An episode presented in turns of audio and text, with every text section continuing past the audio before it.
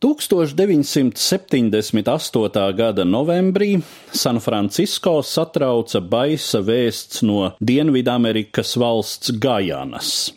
Uz turieni pēdējos gados bija pārcēlušies nepilns tūkstotis sludinātāja Džima Džonsa sekotāju, lai tropu zemē dibinātu sev utopisku laimes zemi. Bija izpaudušās ziņas, ka daži aizbraukušie tiekot Džonsa kopienā turēti pret savu gribu.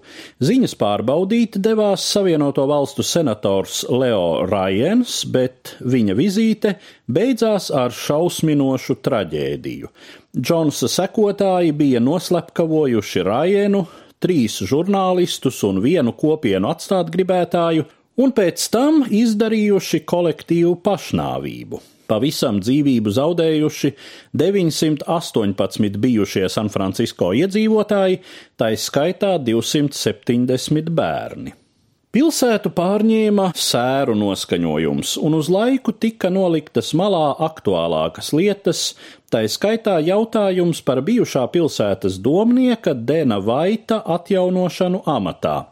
Pirmdienā, 1978. gada 27. novembrī, Dens Vaits, kurš tobrīd strādāja San Francisco policijā, ieradās mērijā un vēlējās steidzami runāt ar mēru Džordžu Moskoni. Ienācis mēra birojā, Vaits izvilka dienesta pistoli, divas reizes iešāva mēram vēderā, pēc tam divas reizes galvā.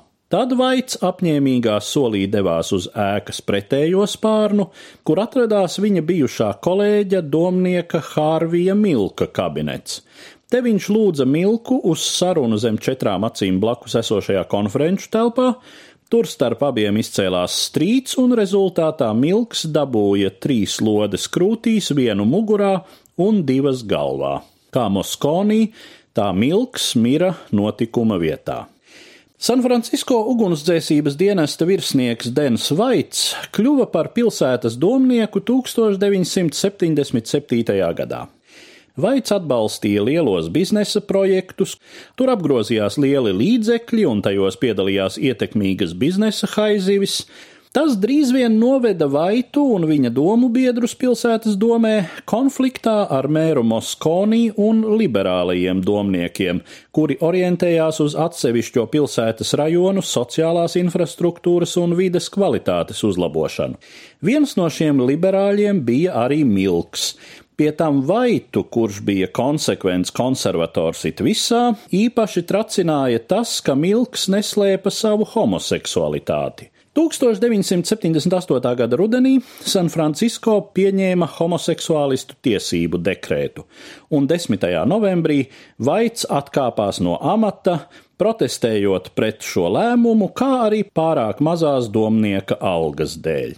Tomēr jau pēc dažām dienām, aprunājies ar saviem domu biedriem no biznesa aprindām, Vaits lēmumu mainīja un lūdza viņu atjaunot domnieka amatā.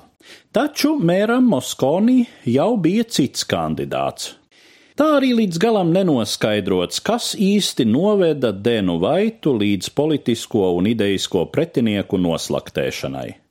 Par dubultu slepkavību ar iepriekšēju nodomu pēc Kalifornijas likumiem draudēja nāves sots, Tomēr brašā šāvēja advokātiem izdevās pārkvalificēt apsūdzību par slepkavību bez iepriekšēja nodoma. Būtisks arguments prāvā bija tas, ka Vaits, kurš līdz tam bija liels veselīga uztura piekritējs, pēdējā laikā bija pārgājis uz ātrās ēdināšanas maltītēm.